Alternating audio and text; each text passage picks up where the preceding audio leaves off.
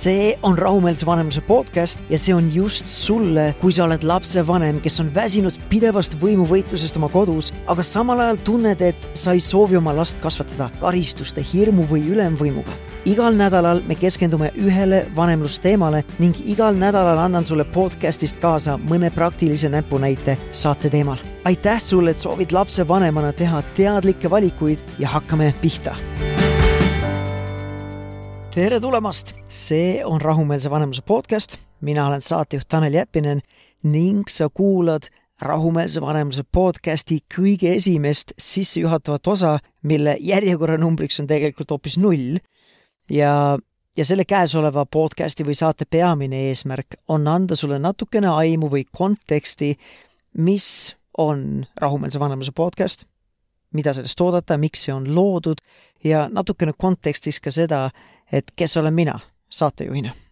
ja järgmises saates me räägime rohkem juba siis minu nägemusest, mis üldse on see rahumeelne vanemlus ja mida ta ei ole. aga seekord alustame lühidalt minust. nagu mainitud, siis äh, mina olen Tanel Jeppinen, ma olen abikaasa, ma olen kahe lapse isa, äh, oma kutsumuselt olen siis vanemlusmentor ja just selles rahumeelse vanemluse filosoofias. ja antud hetkel selle salvestuse hetkel ja kui see podcasti saade välja tuleb, on minu lapsed pigem nooremapoolsed, eelkooliealised. Äh, noorem poja saab äh, kohe kolmeseks ja vanem laps on siis tütar, kes on viieaastane. ehk siis praegu, kui see podcast välja tuleb, mis on kaks tuhat kakskümmend aasta märtsikuu, on meie olukord selline, kui sa kuulad meie podcast'i kunagi kaugel-kaugel tulevikus, siis saad ise seda matemaatikat teha, et kui vanad mu lapsed siis on või kust minu selline praktiline kogemus tuleb. aga lühidalt tahaks rääkida ka sellest, kuidas ma üldse selle tegevusvaldkonna juurde jõudsin, sest Eestis ei ole väga tavapärane, et meesterahvas või üldse noh, tahaks arvata veel, et noormees, aga ütleme, meesterahvas tegeleb sellises valdkonnas ja mina ei ole akadeemilise taustaga kasvatusteadlane või psühholoog. ma pigem olen selline püüdlik praktik. ja enamus oma täiskasvanu east ma tegelikult olen töötanud hoopis müügialal, ehk siis natukene teine valdkond. ja see sai alguse sellest, et kui ma olin kahekümne aastane, siis ma sattusin tudengiprogrammi Southwestern äh,, Southwestern Advantage, kus Eesti noored siis käisid siis ja käivad ka praegu Põhja-Ameerikas haridusliku sisuga raamatuid ukselt uksele müümas. ja mul läks seal esimesel suvel, esimesel aastal päris hästi ja ma jäin selle programmiga seotuks kogu oma kahekümnendad eluaastad.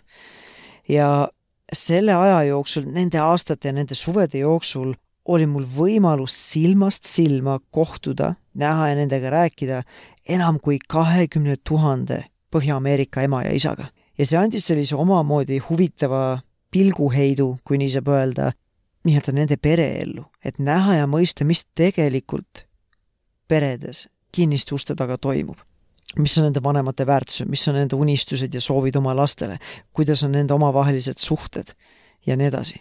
ja nende aastate jooksul ma kohtasin iga aasta superägedaid peresid, kes tõesti inspireerisid mind. aga samas ma nägin ja kohtasin ka pere, peresid, kus need pereliikmete vahelised suhted olid väga toksilised. ja see oli ma ei tea, isegi suurepärane ettevalmistus enda pere loomisele. kuna juba enne, kui ma tegelikult isaks sain, ma teadsin väga täpselt, mida ma tahan oma peres näha, milliseid väärtusi ma tahan järgida, milliseid väärtus või milliste väärtuste järgi ma tahan oma pereelu elada või seda pereelu kogeda ja mida ma kindlasti ei taha näha või kogeda oma peres.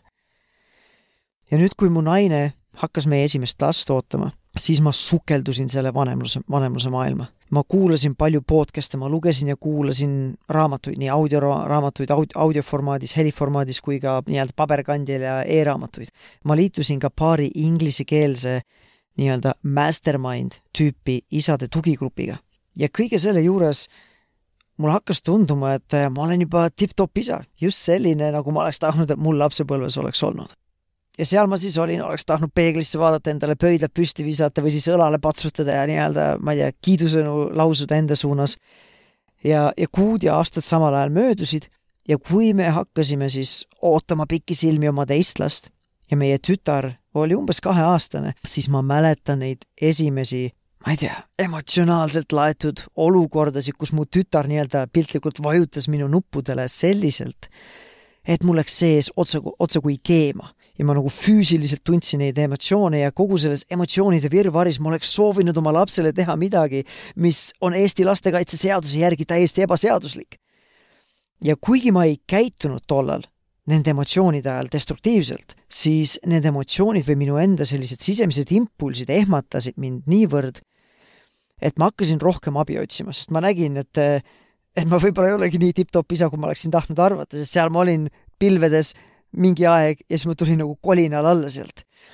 ja see viis mind lõpuks sinnani, et ma liitusin ühe USA-s põhineva või asuva vanemlusinstituudi rahumeelse vanemluse programmiga, mis päädis sellega, et ma siis sain sertifitseeritud äh, lapsevanemate nõustajaks või siis inglise keeles ma olin siis diplomeeritud nii-öelda parent coach pärast oma seda diplomi kättesaamist mõne nädala pärast juba, ma hakkasin töötama oma täistöökoha kõrvalt paari perega üks-ühele sellist nagu coaching tööd tegema ning mõned kuud hiljem ma tulin oma palgatöölt üldse ära, et keskenduda esiteks iseendale ja oma perele, aga ka sellele uuele kutsumusele. ja ja samas, kui nüüd tagasi veel vaadata, siis selle esimese perioodi või selle aja sisse, mis ma katsin, jäi veel ka inglisekeelse podcast'i Brand New Father loomine ja vedamine, mida ma tegin kokku sada kaksteist saadet ja mis oli suunatud just värsketele isadele.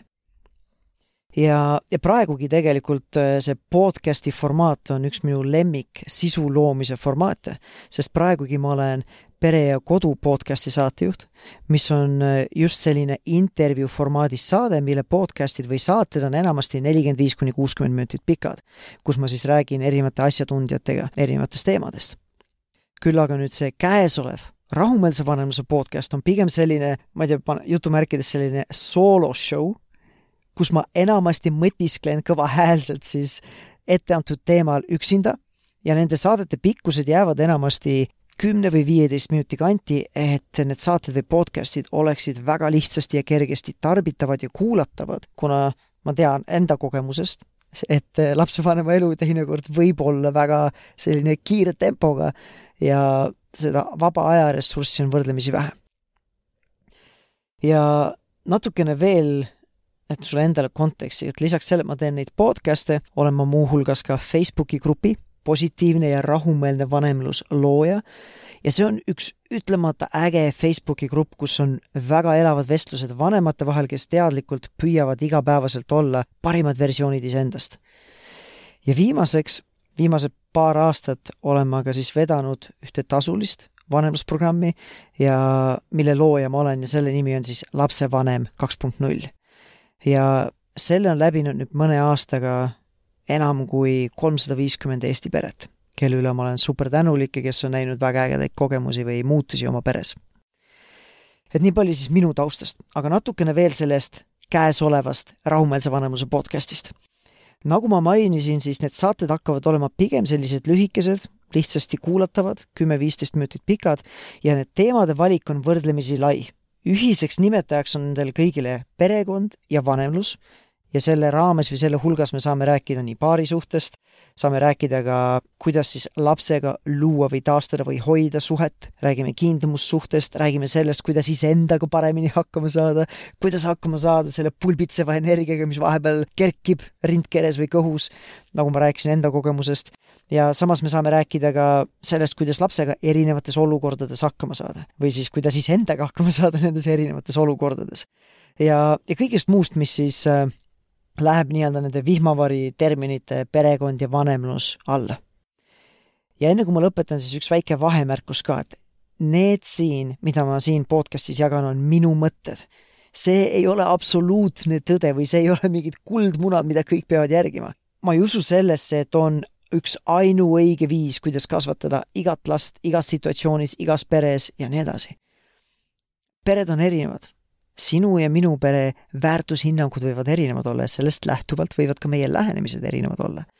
ehk siis ma ei püüa nagu esitleda seda, mida ma siin podcastis jagan, kui absoluutset tõde, aga kindlasti saab, saab see olla selline hea, selline allikas, kus siis saada nii-öelda, ma ei tea, siis kas inspiratsiooni või mõtteainest, et sa saad ise mõelda kaasa ja kaaluda, kas, mida ja kuidas sina iseenda peres saaksid kasutusele võtta. et nii palju siis sellest, mida sellest podcast'ist oodata. ja lõpetuseks ka sellest, et miks ma otsustasin veel ühe podcast'i ellu kutsuda või luua. ja selle põhjuseks on just see, et ma ei leidnud teist sellist eestikeelset podcast'i, mis seda vajadust täidab, mis räägib spetsiifilisest just sellisest rahumeelsest lapsevanemlusest äh, või sellest, kuidas ilma karistusteta, kuidas koostöös lapsi kasvatada, kuidas kasvatada lapsi empaatiaga äh, ja, ja tehes selle juures teadlikke valikuid. ja selle asemel, et siis selle üle kurta, et sellist eestikeelset ressurssi ei ole või ma ei leidnud, siis ma otsustasin selle projekti ise ette võtta. nii et tere tulemast rahumeelse vanemluse podcasti ja kui sa soovid olla rahumeelsem lapsevanem või kui sa soovid, et sul oleks rohkem kannatlikkust või sinu süütenöör oleks pikem või sa soovid, et sul oleks rohkem empaatiat või kohalolu või kohalolekut oma pere ja oma laste jaoks, siis sa oled õiges kohas. ja juba järgmises podcastis või siis saates sukeldumegi sellesse, kuidas mina rahumeelset vanemlust defineerin või näen. vahepeal on mul sulle aga paar üleskutset. kui sa veel ei ole Facebooki grupiga Positiivne ja rahumeelne vanemlus liitunud, siis tee seda kindlasti. sest see podcast on võrdlemisi ühepoolne suhtlusviis. mina räägin sinuga või sinule. kui aga sa soovid nende podcasti teemadel arutleda nii minu ja, või tuhandete teiste lapsevanematega, siis just seda me muuhulgas teemegi just selles Facebooki grupis. nii et Facebooki grupi nimi on Positiivne ja rahumeelne vanemlus loodan sind seal õige pea näha. Ja kui sa juba oled Facebookis, siis kindlasti viska like või pöidlad üles ka minu Facebooki lehele, mis on siis at vanemlusmentor ja kindlasti võid jälgida mind ka Instagramis at Tanel Jappinen, kus mõlemas nii-öelda kanalis ma jagan iseenda päriselu kogemusi enda isaks olemisest. nii et aitäh kuulamast seda sissejuhatavat episoodi või saadet järjekorranumbriga null ja järgmise korrani, tšau!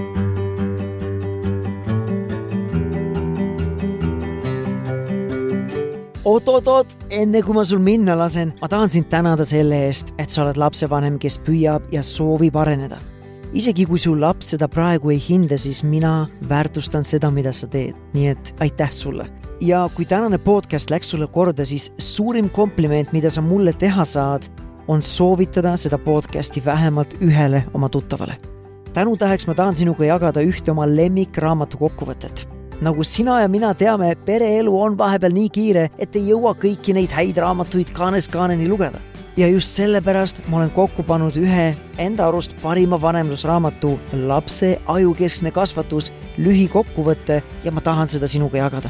sa leiad selle lühikokkuvõtte veebist taneljappinen.com kaldkriips kingitus ja lõpetuseks ma tahan sulle meelde tuletada, et me keegi ei ole täiuslik lapsevanem ja see polegi oluline täiuslikkus ei tohiks kunagi olla mõõdupuu või isegi eesmärk. oluline on, et sa liiguksid samm-sammult paremuse ja rahumeelsuse poole. nii et edu sulle sellel teekonnal ja järgmise korrani, tšau!